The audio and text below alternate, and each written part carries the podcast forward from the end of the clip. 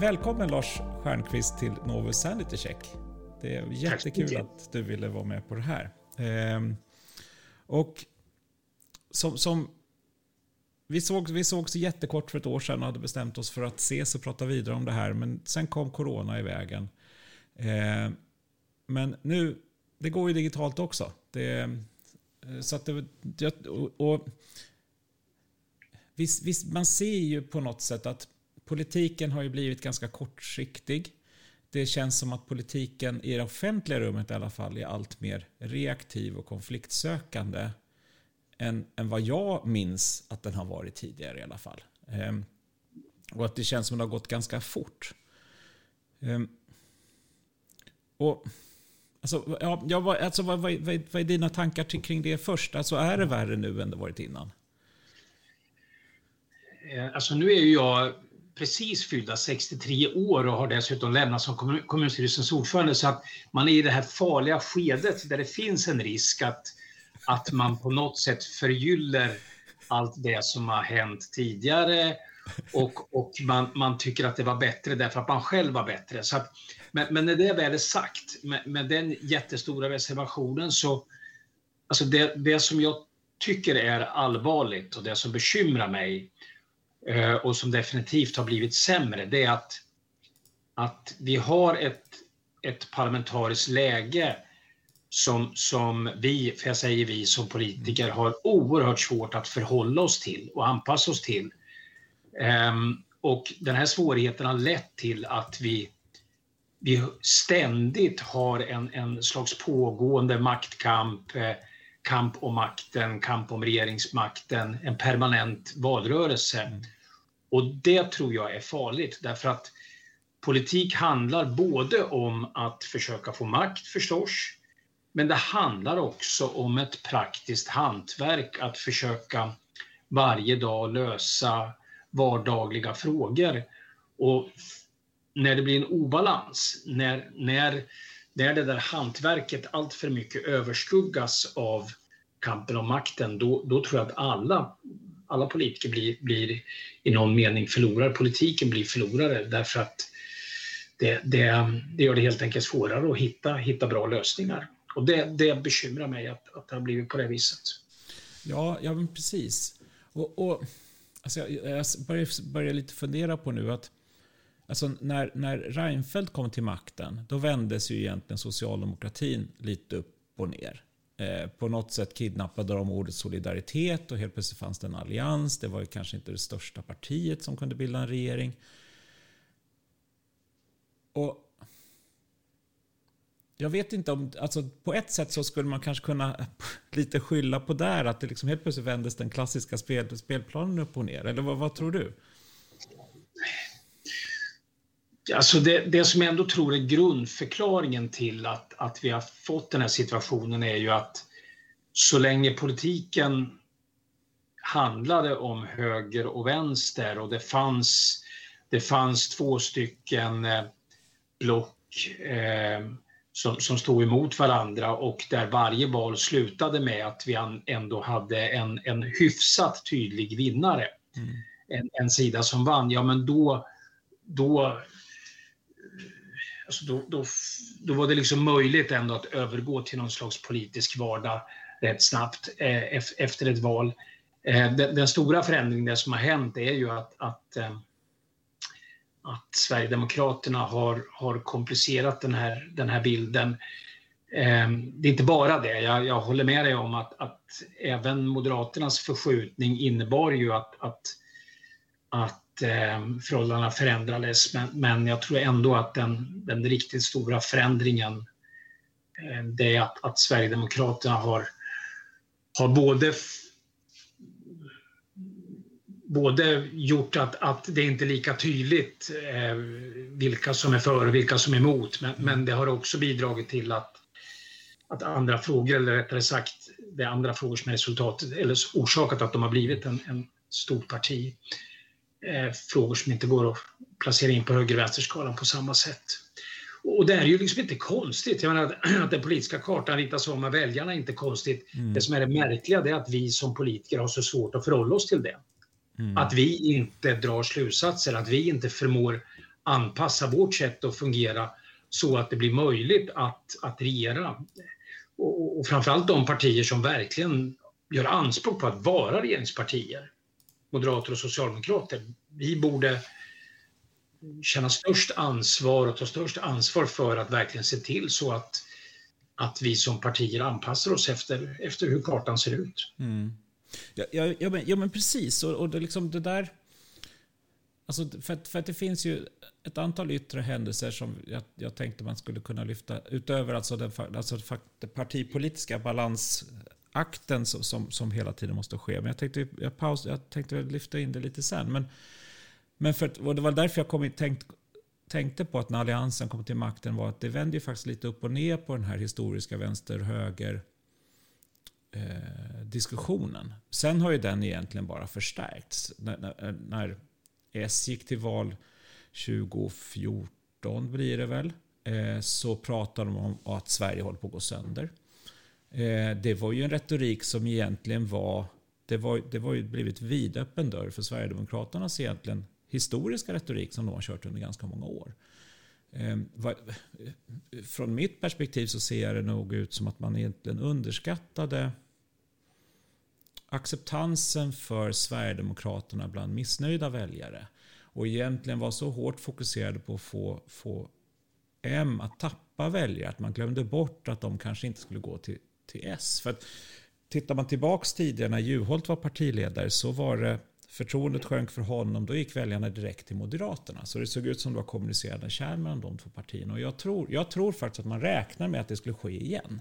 Att man, man överskattade lite man tänkte att S är ju det naturliga valet för en stabil regering. Så att om, om, om, nu är det dags för att vi får tillbaka den. Och på så sätt råkar man istället öppna upp en dammlucka mot SD. För man bekräftade då den här systemkollapsen för att använda ett, ett, ett ord som satte sig i mitt huvud mm. under den perioden. Ja, och framförallt så, så um, har vi levt i någon slags föreställning om att, att uh, när vi pratar om bristerna så, så kopplar vi dem till, till fördelningspolitik, till de klassiska höger-vänster-frågorna. Eh, vi tar på något sätt för givet att antingen så, så uppfattar man problemet som en orsak av att skatterna är för höga eller för att välfärden är för bristfällig. Mm. Och, och vi sitter fast i den där föreställningsvärlden. Mm. Eh, sen plötsligt när man pratar om systemkollaps så tänker människor på helt andra frågor. Eh, och sen är det klart att när, när dessutom det händer saker i vår omvärld som, som skakar om oss, flyktingkris och annat, så, så är det klart att det, det förstärks. Men, men jag håller verkligen med dig. Alltså den, det är klart att, att den, den förändringen har bidragit till, till detta. Men jag tycker ändå att man, man kan gå ännu längre tillbaka ändå för att se att, att um, och jag tror det finns fler förklaringar till att vi har liksom ett läge där, där, där kampen om makten och den dramaturgin blir, blir så otroligt dominerande. Um, och det, det, det, det, är allvarligt därför att, att politik måste handla om att lösa vardagliga problem i första hand. Det måste handla om att man försöker, och där, där skillnaden mellan opposition och, och majoritet Visst, den finns alltid. Men, men i det vardagliga arbetet så, så kan man också som oppositionspolitiker ta ansvar och spela en roll och, och har, har ett ansvar att göra det. Om du tittar på kommunerna så har du en annan situation. Och, och det där eh, är många som, som letar förklaringar till och säger att ja, men det, det, det beror på, på att, att kommunpolitiken bygger mer på personliga relationer. Nej, jag tror att det beror på inte minst konstitutionella skillnader att i kommunen sitter alla partier med i regeringen. Visst, det finns en majoritet, det finns en opposition. Men alla partier sitter med och diskuterar detaljplanen eller eh, lagen om valfrihet eller vad du vill på ett, på ett tidigt stadium. Och i det där styrelserummet så måste man på något sätt eh, koncentrera sig på det som, som är det viktiga, nämligen sakfrågorna. Eh, men, men i, i riksdag och regering så, som bekant så, så fungerar det på ett annorlunda sätt. Så jag, jag, tror att orsaken ligger till att vi har fått den här permanenta valrörelsen ligger nog ännu längre tillbaka. Mm, mm. och, och, det betyder ju också på något sätt liksom, att kommunerna är närmare verkligheten. Vilket gör att du kanske inte kan ignorera ett havererat vägbygge eller någonting. Det var ett dåligt exempel, jag kommer inte på något bättre just nu. Men att det, liksom, det, det går inte att ignorera faktiska problem i, i närområdet. Kanske på samma sätt som att regeringen som ändå, och riksdag som sitter så pass långt bort från de faktiska eh, sakerna man beslutar kring. Eller? Nej men så är det. det. det. tror jag absolut spelar roll. Att, att det är klart om, om, och människor vänder sig till, till kommunen och säger att den här rondellen måste ni göra någonting åt, den är trafikfarlig, så, så blir ingen imponerad av en politiker som, som i första hand använder den kritiken för att vinna politiska poänger och möjligen bädda för att om tre år kunna göra någonting, utan man förväntar sig att den man vänder sig till här och nu försöker göra någonting. Så att, så att den här närheten spelar roll, men, men jag tror också att alltså det finns också konstitutionella förklaringar. Så du, du, du, eh, du har självklart den här rollfördelningen mellan majoritet och opposition. Eh, men, men det är också så att, att du sitter med och du är delaktig eh, på ett sätt som gör att, att du kommer liksom inte undan det politiska hantverket. Eh, medan i rikspolitiken så, så eh, så är det ju inte på det viset, utan den här, den här kampen om makten på något sätt, den, den, eh, den pågår hela tiden och den, den, eh, den är viktig. Skillnaden mellan, mellan eh, att vara i regeringsställning och att vara i opposition är så otroligt stor. Och så stor borde den inte vara. Jag kom in i riksdagen 1991 Eh, och det var ju ett läge när socialdemokratin hade förlorat ett val och det fanns en väldig bitterhet hos många. Och det fanns de som var helt inriktade på att nu ska vi ägna de här tre åren för att förbereda oss för att kunna ta makten 94. Medan, eh, med risk för att låta efterklok, jag själv kände att jag kan inte sitta här tre år för att enbart leta fel hos majoriteten. Eh, och, och liksom formad i någon slags praktisk kommunpolitik så så kände jag ju redan då att, att ja, men det är klart att, att, att min uppgift ändå måste vara att försöka göra det bästa som är möjligt i det här läget. Och efter den där första mandatperioden så upptäckte jag ju att det var ju faktiskt fullt möjligt även som oppositionspolitiker att få gehör för förslag. Det gick att påverka även som oppositionspolitiker. Eh, och det var ju ett, ändå ett klimat som inte skiljer sig så rasande mycket. Vi hade Ny Demokrati på den tiden som, som ju också liksom, ja, rörde om förutsättningarna. Men, men, men eh, ja, det, det, det, var, det, var ett, det var ett annat klimat och framförallt så var, var, det, var det ett annat fokus än vad, jag påstår att det är idag. Mm. Ja, ja, men precis. Och, och där apropå så det, det, är två, eller det är en yttre händelse som jag tänker absolut mest på. Det är medias stora förändring på, på grund av digitaliseringen. Alltså det, det, innan fanns det ett nyhetsdygn som på grund av tekniken hämmade lite. Men tv var, det var Rapport 19.30, det var Aktuellt 21. Morgontidningen kom på morgonen, kvällstidningen kom på kvällen. Eh, man, fick, man kunde inte alla direktsända om samma nyhet exakt när den hände. Utan det berodde lite på när det hände så fick du hitta olika vinklar men du försökte ändå jobba kring samma fråga. Så att eh, hände någon katastrof på kvällen så kunde, fick morgontidningarna komma på något smart till morgonen efter. Men på den vinkeln. Nu, nu handlar ju allt om här och nu. Så att vi har inte en direktsändning utan vi kanske har sex direktsändningar från samma händelse. Eh, men reflektionen kommer inte längre. Det kommer inte längre, för det kommer alltid en ny direktsändning, det kommer alltid något nytt breaking news. Eh, och om politiken, eller jag vet inte, det, det, liksom, det här är mer, alltså politiken måste förhålla sig till media. Eh, det är något jag har sett för många, många år sedan att liksom egentligen, eller jag, jag, jag, jag insåg det här att egentligen allmänheten har ju en direktkontakt med en liten del, kommun, jättebra exempel. Du har din personliga relation till din hemkommun, du vet vad som händer. Rondellen vi pratade om innan, den ser du. Du, kan liksom, du vet hur illa det är eller bra det är. Du ser om någonting blir bättre eller sämre. Men ur, ur ett rikspolitiskt perspektiv så är det faktiskt massmedia som är den enda bilden som, som skapar den förståelse. Om du inte själv är på ett ställe regelbundet. Och när media radikalt faktiskt förändrade sin logik från, från att jobba med förklaring och vrida och vända och kanske då granskning till att bara, eller inte bara, men primärt livebevaka. Då hamnar du nästan i att det är liksom små katastrofer hela tiden som är så pass stora så du måste ha breaking news. Politiken måste, och framförallt då på, på, på riksplanet, reagera omedelbart och tala om att de ska acceptera och förstår problemet och de måste lösa det på en gång. Eh, Ygeman måste åka ner till Malmö och tala om att han minsann ska fixa problemen. För det, var, det var nästan det, ur eh, mitt perspektiv, det här man van vid att se i USA och helt plötsligt såg man det i Sverige. En, en, en minister som står på en pressträff bredvid polisen, det är ju ett typiskt amerikanskt manér egentligen.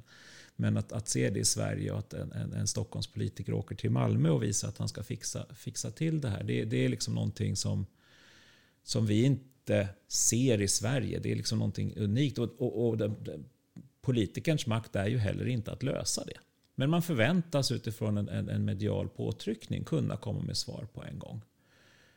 Det är ju total grogrund för missnöjda också genom att ställa sig medvetet i den positionen. För du kommer inte kunna lösa problemet. Du har inte det lagstödet som finns för att lösa det problemet. Eh, men det där skapar en ganska stor krock i huvudet hos, hos, hos nästan alla väljare. Att man, man ser så otroligt, du, du bombarderas av nya katastrofer eller potentiella katastrofer från, från Sveriges alla hörn. Och samtidigt blir politikerna allt mer oduglig när de försöker att möta det där. Mm. Det, det, ja. Jo, alltså, jag håller verkligen med. Och den där, jag som har gått ifrån rikspolitiken till kommunpolitiken eh, känner ju verkligen igen den där liksom frustrationen att, att när det hände saker så på morgonen på nyheterna så förmedlades någon nyhet och sen skulle man förväntas säga någonting klokt redan på lunchen. Mm. Och, och, väldigt ofta så var ju frågan ifrån journalisten eh, när man då sa någonting att, ju, att, att ja, men var, varför har ni inte gjort någonting tidigare? Och då hade man liksom på tungan att säga, ja varför har du inte frågat tidigare? det borde du sagt. Eh, därför att, att, det blir liksom så uppenbart att, att, att de som inte har ansvaret blir så otroligt efterkloka. Allt mm. ifrån frågvisa journalister till oppositionspolitiker därför att det ingår liksom i dramaturgin att, att ställa till svars. Och då spelar det ingen roll vad du säger. Mm. Säger du någonting kraftfullt så, så, så får du liksom frågan, va, ja, men du borde ha gjort någonting tidigare då eftersom du har svaret. Då säger man att, att ja, men det här är svårt och komplicerat och, och jag ska återkomma med, med ett genomtänkt svar framöver. Så, så, ja, så ligger det också risigt till. Så, så att den här dramaturgin är svår. Men med all respekt för det, för jag, jag inser att det verkligen har förändrat förutsättningarna. Um, och, och, bara det här att vi vi hela tiden bombarderas utav via våra telefoner av negativa nyheter. Vad det gör med oss psykologiskt kan man naturligtvis fundera på. Ehm, men, men ändå, jag tycker inte att det räcker som förklaring till varför vi som är politiker ändå inte har förmågan att, att skapa ett ordentligt utrymme för det som måste vara en, dominerande del av politiken, nämligen det politiska hantverket. Alltså det här att, det här att, att vi måste kunna ringa till varandra ehm, och, och prata vid sidan av det här dramaturgiska mediala samtalet därför att vi har ett gemensamt ansvar. Eh, jag förstod i, i regeringsbildningen 2018 att, att det har förändrats en hel del Eh, jag vill verkligen betona att jag spelar ingen som helst roll i den regeringsbildningen. Men jag fick några telefonsamtal ifrån några som fanns i utkanten av de samtalen och som sa du Stjernquist, du som har en del goda relationer med folk inom olika partier. Vet du eller skulle du kunna bara liksom kolla? Och det var fler som när vi pratades vid sa det att det som, det som skiljer sig idag ifrån från den tiden jag var rikspolitiker, alltså bara på de här relativt få åren, 15 åren, det är att, att det här informella samtalet som ändå fanns för 15 år sedan. Jag kunde ringa Moderaternas partisekreterare och säga att hörde du, eh, borde inte vi kunna eller är det verkligen rimligt att, att, eh, att eh, vi ska ha den här debatten på de här, ja, eller vad det nu kunde vara. Alltså vi kunde ha ett informellt samtal vid sidan av, av, av det offentliga liksom, bruset. Eh, men där förstår jag att, att nu så är konfliktnivån så hög och dessutom bevakningen så oerhört intensiv så att det är nästan omöjligt. Eh, och då kan man säga, men det är väl bra det att allting är offentligt. Och, och nej, alltså det, det, måste också vara så att, att, att politiker förmår liksom eh, hålla en dialog som, som är lite, lite mera långsiktig men som också är skild ifrån det här liksom dagliga krigföringen, verbala krigföringen. Eh, därför att man har det här gemensamma ansvaret för att faktiskt lösa problem. Och där, där, där är det oerhört svårt idag, men det, det borde inte vara omöjligt. Det borde inte vara omöjligt att återskapa det. Eh, det beror faktiskt på, inte bara på journalister, utan det beror också på hur vi politiker väljer att agera. Mm. Ja, ja, men precis. Och apropå det. Eh, så, så, jag kommer ihåg när, när, när Socialdemokraterna och Sverigedemokraterna röstade ner Alliansens budget. Eh, nu, jag och år, det står helt still just nu. Jag försökte googla lite snabbt, men det hjälpte inte. Men i alla fall, det var väl mm. kanske 2013 eller 2012 någonting. Eh, då, jag kommer ihåg, det där satt i otroligt djupt. Novus som företag, vi har kontakt med nästan alla partier liksom i någon form. Vi, vi, vi liksom, jag och jag träffar de flesta partiledarna någon gång då och då. Och så, men jag märkte det där satte otroligt djupa spår i, i tilltron hos Alliansen. Och jag undrar om inte det fanns en ganska stor hämndlystenhet efter det. Eh, som, som, som sen då också kommer syn, syns när, när då Alliansen sen röstar ner, eller allianspartierna röstar ner Eh, Socialdemokraternas budget eh, några år senare. Och jag undrar, det någonting hände då tror jag, fast det, det, hade redan börjat innan, men just att det blev mer fokus på valrörelse och makten någonstans där än förvaltningen.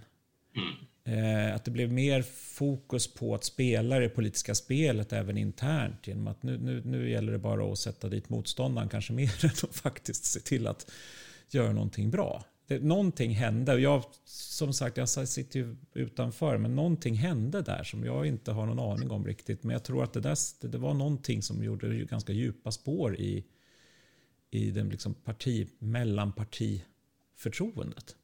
Mm.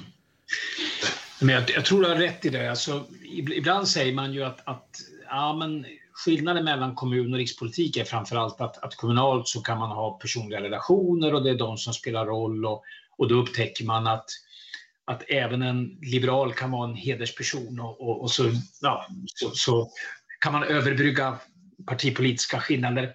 Men, men, sanningen är ju den, och det tycker jag din, ditt exempel visar, att, att personliga relationer spelar också en väldigt stor roll i rikspolitiken.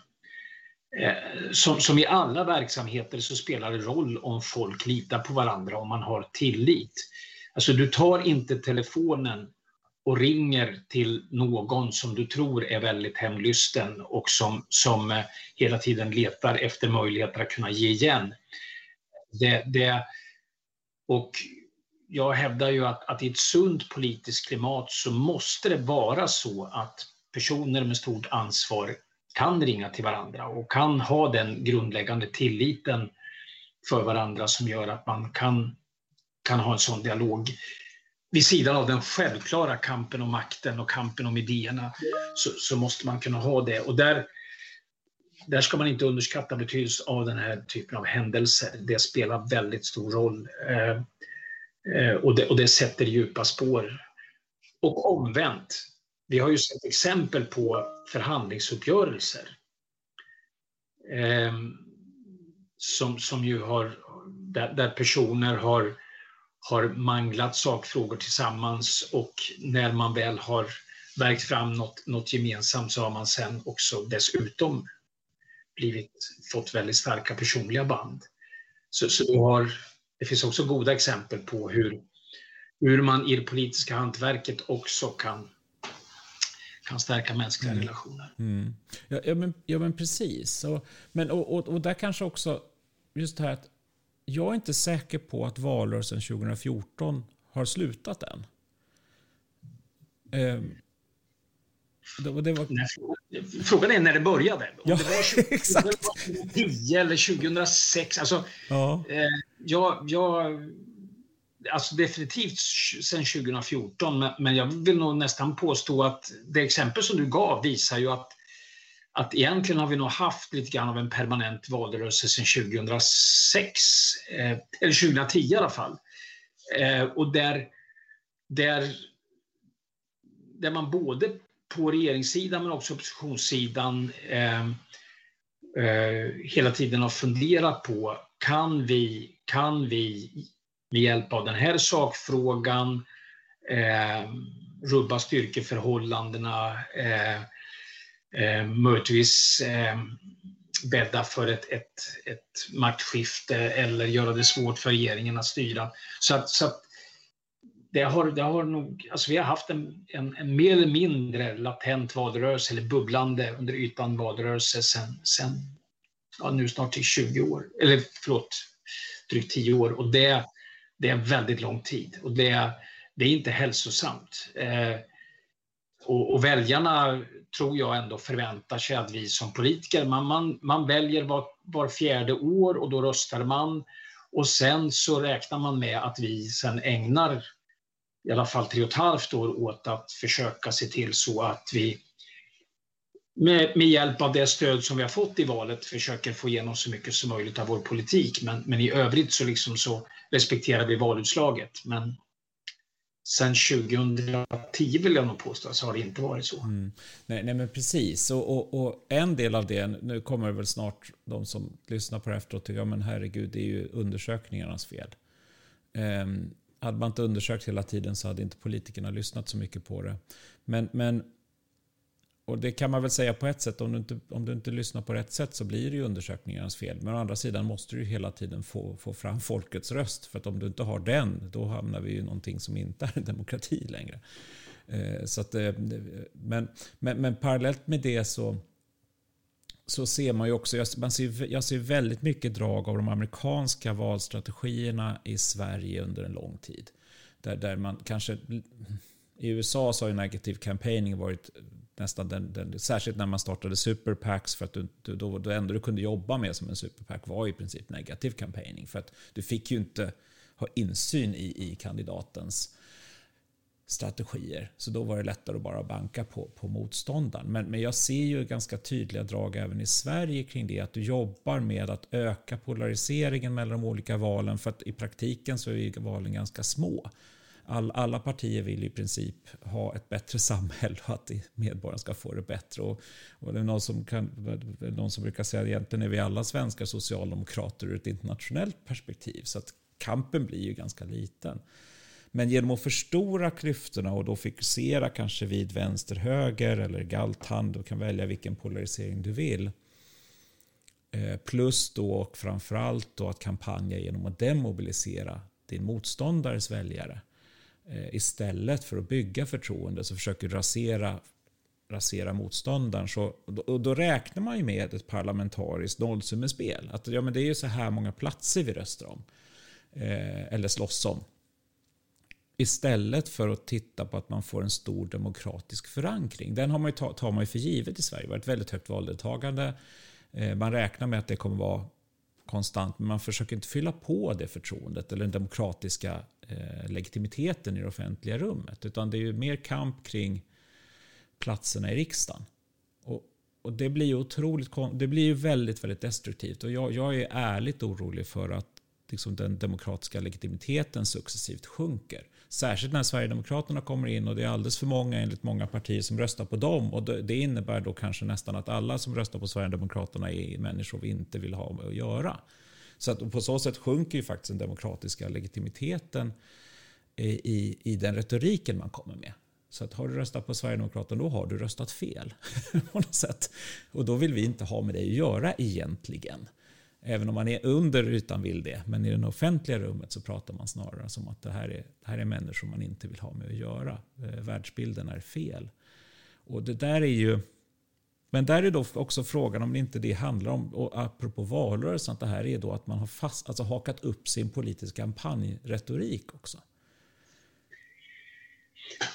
Jo, alltså... Eh, eh, så tror jag det är. Och, och det, alltså återigen, alltså det finns någon slags dramaturgi som är väldigt svår att bryta. Att när, när vi får den här liksom, nästan permanenta kampen om makten och, och, och där, eh, där, där det dessutom är så att, att det krävs allt kraftigare uttryck för att verkligen få genomslag då, då är ju risken att vi till slut allihop liksom gallskriker och då, då, då vinner den som skriker högst.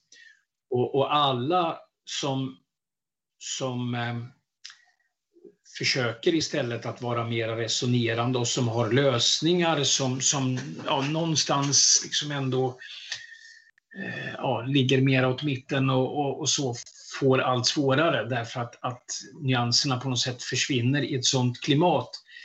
Men, men lite grann på det här som du är inne på, vad, vem, vem är orsak till att det har blivit så här, om, om vi nu är överens om att det är på det här viset? Och det är klart att vi kan peka på, ja, kanske opinionsinstituten spelar en viss roll, media spelar en viss roll. Men min poäng är ändå att det är politikerna som kan lösa det här, som kan bryta det här. Det behöver inte vara så här och det är inte så här i alla länder.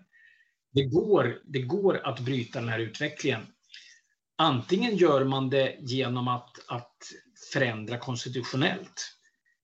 För det går. Alltså, är det så att man måste ha en majoritetsstöd för att bilda regering, då kommer det att ändra förutsättningarna för det här. Då kommer det att, att eh, då tvingar du fram ett, ett större ansvarstagande mellan valen. Det är liksom ett sätt att, att försöka bryta den här utvecklingen. Att kräva eh, att, att, att det, det, måste vara så att, att partierna efter ett val formar en, en, en majoritet som faktiskt aktivt stödjer regeringen. Eh, det är ett sätt att ändra det. andra, och det är ju kanske det som, som är det mest logiska, det är ju att partierna anpassar sig efter de nya villkoren, anpassar sig efter hur den politiska kartan ser ut och helt enkelt uppträder på ett sådant sätt så att det blir möjligt att forma majoriteter efter valet eller handlingskraftiga regeringar. Så är det ju inte riktigt idag. Alltså, det är snarare så att, att vi, vi hela tiden, eh, just på grund av att vi hela tiden polariserar så, så, så är det snarare så att vi blockerar olika lösningar snarare än, än försöker hitta öppningar och, och, vilket kommer att göra det ännu svårare. För att om, om alla partier ska följa vad de har sagt före valet, då kommer vi aldrig att få mm. en handlingskraftig regering i det här landet. Eh, och det, det är liksom ödets ironi. Mm. Eh, nej, men, nej men exakt, och det där jag faktiskt jag kom på att tänka på nu att jag hade, Göran Hägglund var med i podden för, för, för några år sedan faktiskt. Och han sa att här, han tyckte, uttryckte svårare att liksom allting är solklart när man kommunicerar, men verkligheten är ju alltid gråskalor du måste ju jobba för, alltså du måste förhandla, du måste komma fram till kompromisser. Men sen i det publika rummet ska allting vara jätteja eller jättenej. Och att, det, det, var, det var, att han uttryckte liksom svårighet, svårigheten. Nu hade han lämnat som partiledare när han var med. Så att, men då, kände han att han kunde vara lite öppen med just det där. tror jag. Men just att det, det, är inte så enkelt som man vill få det till att vara i, i, i media. Men det är väl just där som blir då problematiken. Och, och sen också just för att förtydliga att jag, jag håller med dig. att det finns en massa förändringar som har hänt. Och, och, och, om jag någon gång blir klar med den här lilla boken jag pillar på så är det ju egentligen det att det, jag landat i att det är tre, tre aktörer som bygger bilden av samhället på något sätt. Och, lite, och det är forskningen, och det är media och det är politiken alla måste ta sitt eget ansvar för sin egen roll. Självklart också undersökningsföretagen. Jag, jag lägger otroligt mycket tid i att försöka förklara media vad undersökningarna faktiskt säger. Så att inte de kan springa iväg och använda vårt varumärke lite hejvilt. Eh, utan snarare försöka nyansera, försöka tala om det här är, en långa, det här är intressant av det här anledningen och så vidare. Så vi måste ju alla ta vår stora eller lilla maktroll på allvar och utifrån nuläget. Vi kan ju inte önska oss tillbaka till en tid som har varit förr, utan vi måste ju faktiskt utgå från nutiden. Och det, jag håller helt med dig. Jag tror att just det där, det var det som var så roligt också när du sa det här. Liksom, eller när du säger det här att man kan liksom, vi måste ju faktiskt börja, vi kan inte skylla på någon annan. Eh, det spelar ingen roll om det regnar ute. Alltså det går inte att önska sig sol, då får man väl klä på sig istället. Apropå böcker så, så jag har jag fått frågan nu när man har slutat som kommunstyrelsens ordförande och, och, och eh, visserligen är jag fortfarande yrkesverksam och försöker ta mig fram som frilansjournalist men, men jag får ju får ändå frågan så här, ska, ska du inte skriva en bok nu? Ska du inte skriva av det? Och då, då, då eh, slår jag från mig och så tänker jag på alla memoarer som jag har läst som av efterkloka politiker som, som eh, har väldigt svårt liksom, att, att beskriva sin egen roll på ett rättvist sätt. Och, och en, en, del har ju nu skrivit om saker som jag själv har varit med om, så jag vet ju att det är en väldigt, väldigt vinklad bild. Så att, nej, det ska jag inte göra. Nej, nej precis. Men det jag funderar på ibland och, och, faktiskt börjat också skissa lite grann på, det är att skriva en, en kampskrift för det politiska hantverket. Mm, mm en, en framåtsyftande. Mm, just det. Ehm, men, men en verklig kampskrift för, för, för det politiska hantverket och ett försök att ändå beskriva hur skulle man kunna skapa en miljö där vi, där vi trots snabbheten i media eh, och trots tempot i samhället överhuvudtaget ändå kan få en fungerande politisk dialog eh, och ett gemensamt ansvarstagande utan att det för den skull eh, blir, blir eh, korrumperat eller att, att vi på något sätt förstärker bilden av att, att det finns ett etablissemang som ändå ytterst någonstans styr. För, för självklart finns det någonting gott i den här kampen och den ska vi vara rädda om. Men, men ändå, försöka skapa det där utrymmet för, för det politiska hantverket. Eh, och det, jag, jag känner det ännu mer angeläget nu därför att jag ser ju att även om det finns stora skillnader mellan kommun och rikspolitiken så ser jag att det faktiskt även i kommunerna börjar, det börjar liksom sprida sig. Du sa förut att i kommunen så kommer man liksom inte ifrån hantverket därför man är så nära människor. Ja, men du har ju faktiskt en del kommuner som nästan är imploderat Därför att, därför att du, du eh, har en så pass oklar politisk situation som gör att, att, att valrörelsen även där fortsätter. Och eh, där, där det har varit oerhört svårt att, att eh, liksom bedriva en, en praktisk politik där, där man, där man eh, fastnar i formfrågor och där stora viktiga sakfrågor bara skjuts på framtiden därför att politikerna kan inte ens komma överens om, om det mest eh, grundläggande arbetsformer och annat. Så du, du, du har ju faktiskt en, en utveckling där, där vi ser det här spridas även till kommunerna och då, då känns det ännu mer angeläget. Mm. Att... Ja, men, precis, men det tror jag det är en klockren idé och det behövs verkligen. Och det, är, det är just att jag, jag just att det heter ju faktiskt förtroendevald. Det är liksom, och, och, kan du verka som förtroendevald utan förtroende? Och kan du verkligen bygga, kan du bara försöka dränera förtroendet och liksom lita på ett historiskt förtroende? Det, det är ju någonting av det mest flyktiga du har, eh, förtroendet. Liksom raserar du det, då, då har du en lång väg tillbaka. Men, man, men, men på något sätt så känns det som att man tar man, man, man bottnar inte i det faktiska ordets betydelse. Utan, utan det är mer att, det som jag, jag börjar mer och mer känna att, alltså kanske på rikspolitiken, så börjar det mer handla om någon form av väljarförakt. För din väljarkontakt blir mer ganska extrema avarter som, som hat och hot och Facebook, uppror och grejer snarare än den här faktiska mellanmänskliga kontakten som ändå nog, skulle jag gissa, en drivkraft för varför många blir politiker. Att, att att man ville hjälpa till. Man vill faktiskt, man bryr sig om människor, man bryr sig om strukturer. Men det försvinner någonstans så att den här väljaren blir någonting abstrakt som man egentligen ska bara knuffa bort från motståndaren snarare än att faktiskt förtjäna dess förtroende. Jag tycker det finns en sakfråga som, där det här blir så otroligt tydligt. Och det är, det är mm, gängkriminalitet och brottslighet. Eh, det, det finns frågor där, där, där vi alla har ett ansvar för att, att verkligen se till så att vi, vi tillsammans liksom förmår lugna människor, där, där samhället måste vara starkt. Och, och gängkriminalitet är definitivt en sån fråga där, där ju alla liksom inser vad, vad det betyder när, när människor plötsligt känner oro för att, att kriminella krafter tar över hela bostadsområden och, och, och eh, i den typen av frågor så, så är det så otroligt viktigt att vi, vi formuleras på ett sätt som gör att vi, vi stärker samhällets trovärdighet. Men tyvärr så är det ju snarare så att i den typen av frågor så är ju den här benägenheten att, att förfalla till den här oerhört liksom, hårda retoriken och förenklade retoriken är nästan större i den typen av frågor. Och, och där man då kan höra politiker säga att, att eh, ni sviker och, och, eh, ja, och, och, på något sätt antyder att det finns någon slags enkel lösning eh, om bara regeringen ville och förstod. Eh, och det förstår naturligtvis alla innerst inne att så är det inte.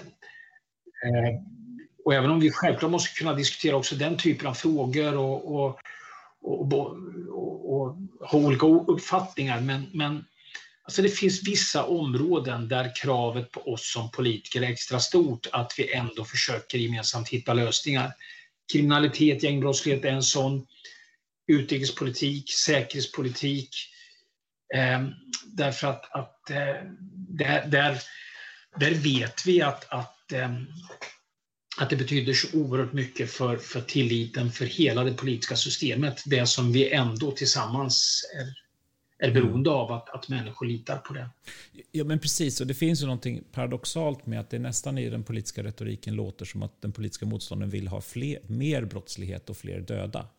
På något sätt. Alltså om man läser, men det är ingen som säger det rakt ut, men det är ju den känslan man får. Att liksom, och ta coronahanteringen kanske likadant där. Att ja, men det här var med brott mod, man, fler dog och så vidare. Det, det handlar ju aldrig om sådana saker. Och, och det där är ju ganska, det där är ju väldigt farligt.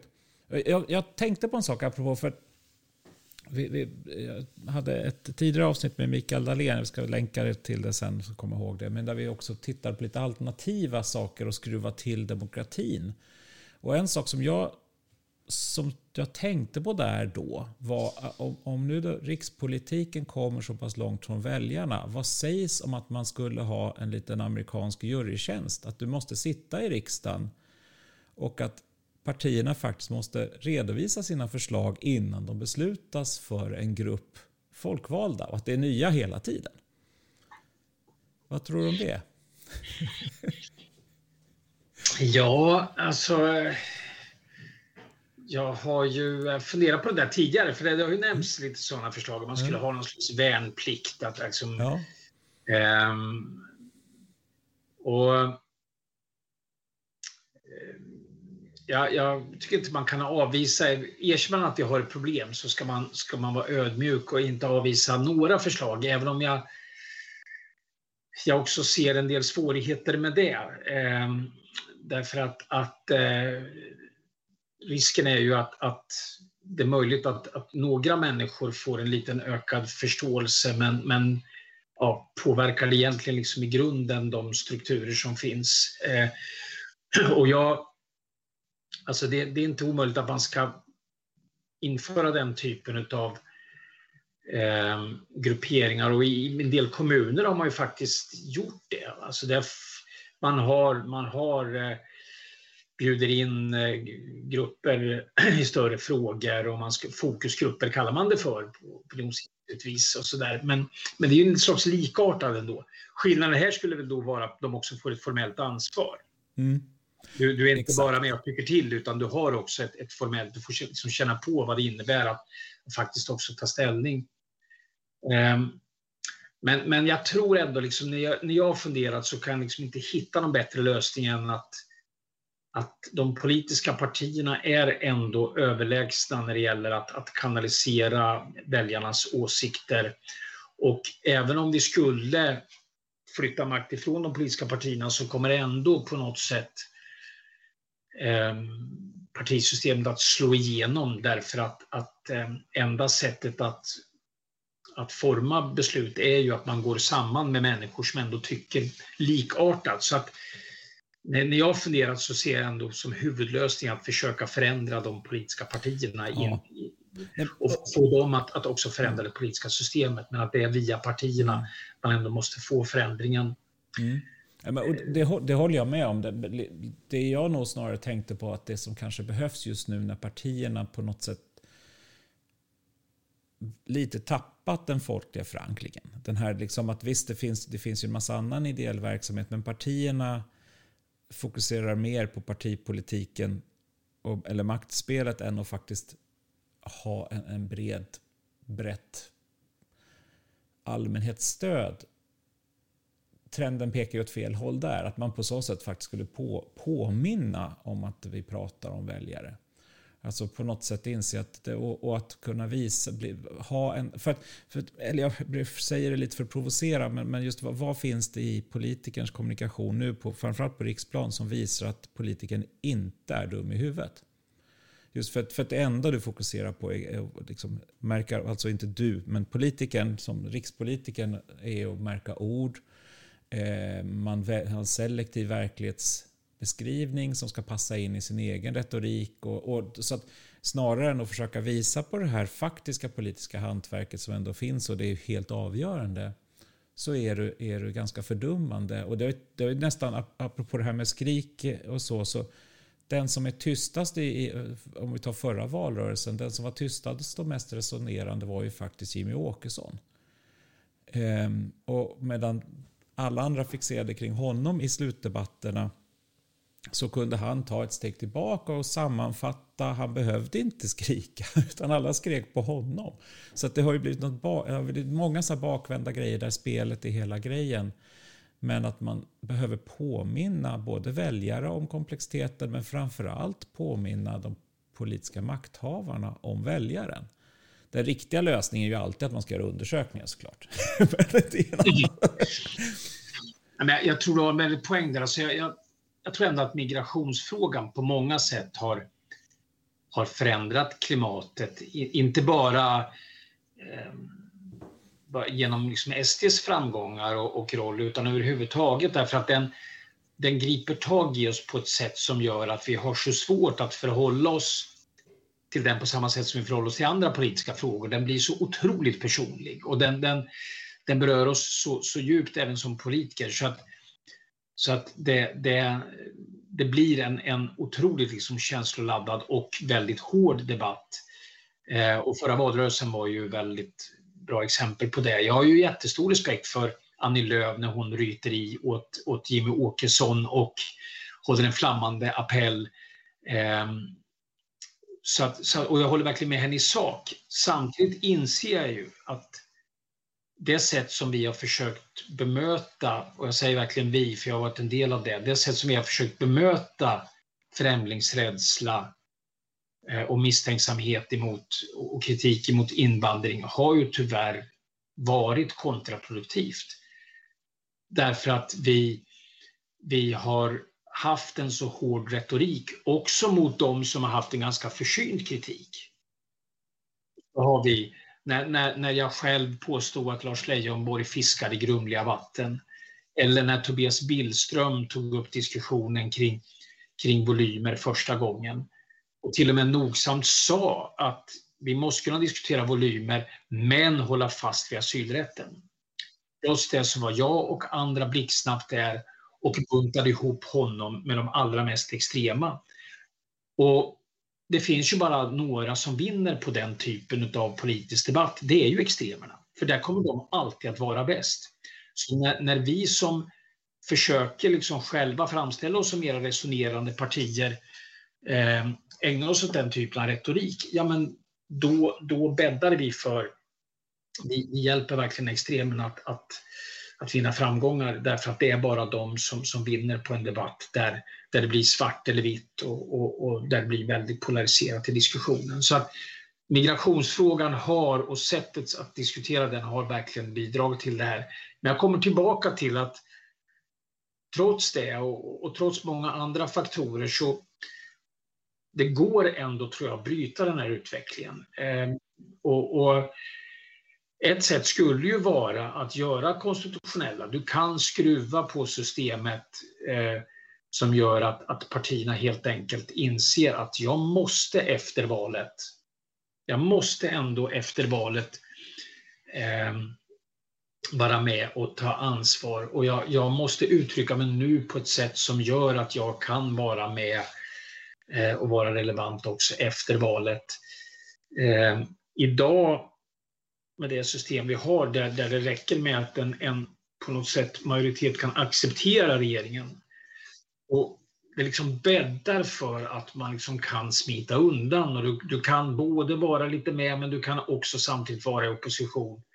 Och vi måste tvinga fram ett, ett system, tror jag, där, där, eh, där eh, alla känner att de faktiskt måste ta ansvar för regeringsbildningen på ett mer aktivt sätt.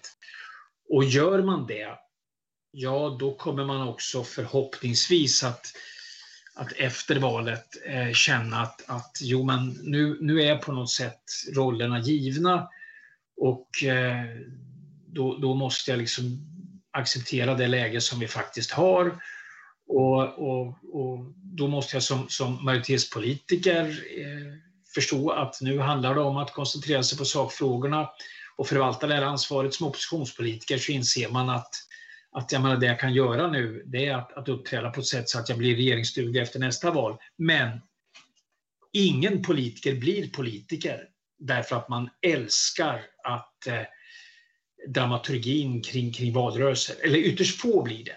De flesta blir politiker därför att de vill åstadkomma reell förändring. De vill vara med och justera ett pensionssystem så att det blir lite bättre utifrån sina egna värderingar. De flesta vill det. De flesta vill ägna sig åt hantverket, eh, inte skriva pressmeddelanden. De vill på riktigt vara med och påverka. Och eh, då tror jag att, att skruvar vi på det parlamentariska systemet så att vi får tydligare, tydliga roller efter valet, då kommer man också att ehm, ägna sig mer åt hantverket mellan valen. Ja, och jag tänkte på det där också just för att alltså, tillväxten i partierna Alltså, för det är där jag är lite orolig också för. När fokus blir på konflikten då kommer de kanske nya politikerna, som, alltså de unga som vill bli politiker, kanske mer dras till konflikterna och valrörelserna istället för att faktiskt få ha en politisk, alltså utveckla samhället utifrån sina värderingar. Och, och, och det finns ju något, det finns väl ett, kanske ett grundläggande problem också i många partier nu att de, alltså man, man har löst så många av de här samhällsproblemen som man kanske liksom velat kom, i stort, det finns alltid småsaker och det finns alltid saker att ändra på. Men, men de här riktigt stora historiska utmaningarna är ju i mångt och mycket lösta. Så då är ju kanske frågan vilka, hur kan man få då en positiv tillväxt i partierna? Eller drar man till sig fel typer av politiker nu? Eh, eller framtida politiker?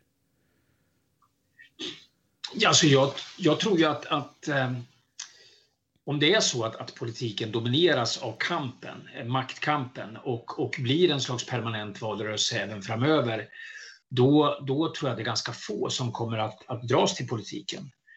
Då kommer man, om, om, om man är som de flesta av oss människor, att vi, vi vill ändå, vi vill eh, vi vill åstadkomma saker och ting, eh, men då, då ägnar man sig åt någonting annat än politik och man upptäcker att, att, att eh, politiken ger inte det utrymmet. Alltså det, eh, och, och de som blir kvar är ju i värsta fall då de som, som enbart lockas av detta och det tror jag inte är särskilt bra.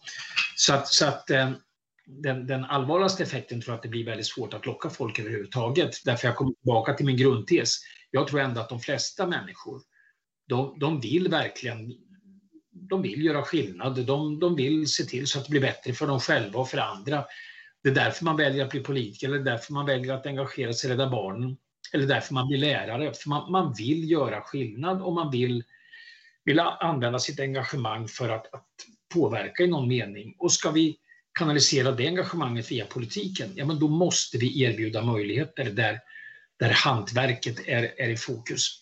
Sen håller jag inte med dig om att, att på något sätt politiken är mindre spännande idag. Eller så. Jag tycker vi har ju fantastiska utmaningar. Och det, är ju, det är det som kanske också har bidragit till det här att vi på något sätt lever i en tid där, där vi tror att politiken har förlorat sin betydelse men också sin makt att förändra. Ta klimatfrågan. Alltså vi, vi tillhör den generation som måste lösa det, det problemet som är mer dramatiskt än, än, än eh, något annat problem som mänskligheten har stått inför. Och, och det är vi som måste göra det. Vi ska hitta lösningarna och vi måste göra det på alla politiska nivåer. Eh, men, men vi har också frågor om, om fördelningspolitik och annat som är, är nog så dramatiska. Ta utbildningsklyftan som har blivit så otroligt tycker jag, tydlig i dessa tider med pandemin där, där vi vi ser att, att samhället nu förändras rätt dramatiskt och väldigt många av oss ser det som möjligheter och ser att det här blir ju faktiskt, här kan det komma ut någonting som faktiskt är ganska bra. Pandemin i sig är ett elände, men, men vi genomför en strukturomvandling som på många sätt kommer att vara bra. Men mycket beroende på vilken utbildning du har, hur lång utbildning du har, vilken typ av utbildning du har, kommer att avgöra om du kommer att kunna följa med. Så det finns det finns jädrigt många spännande utmaningar och som borde locka till sig kreativa människor. Men förutsättningen för att kunna locka de människorna, det är att vi kan erbjuda en möjlighet att faktiskt, oberoende av om du blir vald till majoritetspolitiker, eller ja, regeringspolitiker, eller som oppositionspolitiker, så måste du tycka att det här är meningsfullt, att du gör skillnad. Ehm, de som enbart tycker liksom att, att den här maktkampsdramaturgin är rolig, de är så få så de kan aldrig bära upp ett politiskt system. Dessutom de som bara tycker det är roligt, de är dessutom rätt farliga, så de borde mm. inte ägna sig åt politik. De borde spela fotboll istället. ja, det, jag tycker det var, det var nog faktiskt väldigt bra slutord, tycker jag. du tycker om fotboll, så det är inte det. Nej, jag vet. Jag, jag vet. Fotboll är riktigt okej okay att, att, att heja på någon hänsynslöst och hängivet ja. och, och utan reflektion. Eh, och sån är jag. Men i politiken är det livsfarligt ja. när man, man har samma förhållningssätt. Och tyvärr är det är det väldigt mycket supportens logik som styr också politiken idag, fotbollssupporters. Och det är ja, livsfarligt. Exakt, och vi vill inte ha Zlatan som statsminister helt enkelt. Nej, vi vill inte ha Zlatan som statsminister och vi vill inte ha en riksdag som består av fotbollshuliganer. Nej, exakt. Det tyckte jag blev en jättebra slut, slutsammanfattning. För vi har pratat en timme nu nästan, så det var Oj. otroligt intressant det här. Men jag, jag, tror snart inte folk orkar lyssna på oss längre. Vi får väl ta en omtag en tid igen här. Var, jag fick otroligt mycket tankar och jag är väldigt glad att vi fick till det här till slut. Och jag blev lite inspirerad kanske att skriva den där boken, Kampskriften för det politiska hantverket. Ja. Jag, jag, jag, måste nog, jag måste nog fundera igenom det ordentligt. Ja, men jag, ty jag tycker du ska göra det. Och så får vi försöka jobba på varsitt håll och få politikerna att förstå att de faktiskt har makt. För det är någonting Precis. i det.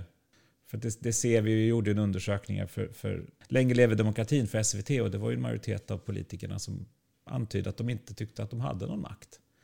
Och då är vi ju illa ute. Om makthavaren, inte känner sig, alltså om makthavaren känner sig maktlös och fast i omständigheter, då klarar vi oss inte ur det där.